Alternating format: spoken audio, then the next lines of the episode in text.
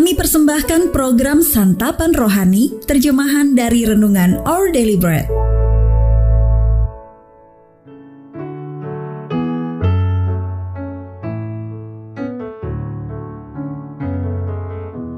Sahabat ODB, pembacaan Alkitab hari ini terambil dari Markus pasal yang keempat ayat yang ke-13 sampai dengan ayat yang ke-20. Markus pasal yang keempat ayat yang ke-13 sampai dengan ayat yang ke-20. Lalu ia berkata kepada mereka, Tidakkah kamu mengerti perumpamaan ini? Kalau demikian, bagaimana kamu dapat memahami semua perumpamaan yang lain?'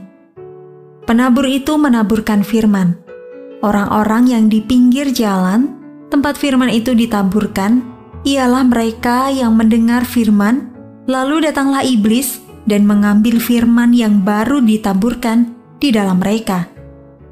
Demikian juga yang ditaburkan di tanah yang berbatu-batu, ialah orang-orang yang mendengar firman itu dan segera menerimanya dengan gembira tetapi mereka tidak berakar dan tahan sebentar saja. Apabila kemudian datang penindasan atau penganiayaan karena firman itu, mereka segera murtad.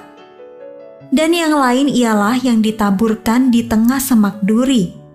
Itulah yang mendengar firman itu, lalu kekhawatiran dunia ini dan tipu daya kekayaan dan keinginan-keinginan akan hal yang lain masuklah menghimpit firman itu sehingga tidak berbuah. Dan akhirnya yang ditaburkan di tanah yang baik ialah orang yang mendengar dan menyambut firman itu lalu berbuah. Ada yang 30 kali lipat, ada yang 60 kali lipat, dan ada yang 100 kali lipat. Ayat Mas Renungan hari ini terambil dari Markus pasal yang keempat ayat yang ke-20. Yang ditaburkan di tanah yang baik ialah orang yang mendengar dan menyambut firman itu lalu berbuah. Renungan hari ini berjudul Benih Waktu, ditulis oleh Kenneth Peterson. Sahabat ODB pada tahun 1879, William Bill mungkin dianggap sinting oleh orang-orang Profesor botani itu mengisi 20 botol dengan berbagai benih lalu menanamnya cukup jauh dalam tanah.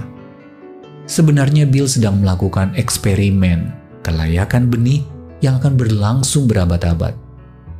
20 tahun sekali salah satu botol akan digali kembali dan benih di dalamnya ditanam lalu dilihat benih manakah yang bertunas. Yesus banyak berbicara tentang menanam benih dan sering kali mengumpamakan penanaman benih dengan perbuatan menabur firman. Dia mengajarkan bahwa sebagian benih direnggut iblis, sementara benih lain tidak berakar dan hanya bertahan sebentar, dan yang lain lagi dihambat serta terimpit oleh hal-hal di sekitar mereka. Ketika kita menyampaikan kabar baik soal benih mana yang akan hidup, itu tidaklah tergantung pada kita Tugas kita hanyalah menabur Injil, yaitu mengabarkan tentang Yesus Kristus. Pergilah ke seluruh dunia, beritakanlah Injil kepada segala makhluk. Markus pasal yang ke-16 ayat yang ke-15. Pada tahun 2021 ada satu lagi botol milik Bill yang digali. Benih di dalamnya ditanam dan beberapa di antaranya bertunas. Setelah terpendam lebih dari 142 tahun, saat Allah bekerja melalui diri kita dan kita membagikan iman kepada orang lain, kita mungkin tak akan tahu apakah firman yang dibagikan itu berakar atau tidak.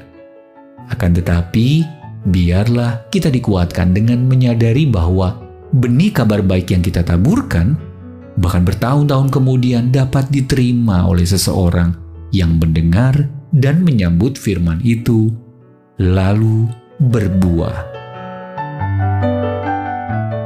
Sahabat ODB, pikirkanlah salah satu pengalaman Anda memberitakan Injil kepada seseorang. Lalu bagaimana tanggapannya saat itu? Bagaimana Anda mendoakan orang itu sekarang? Ialah berikanlah aku keberanian untuk membagikan kabar baik tentang Yesus kepada kawan-kawan dan rekan sekerjaku. Our daily bread ministries, firman pada dunia.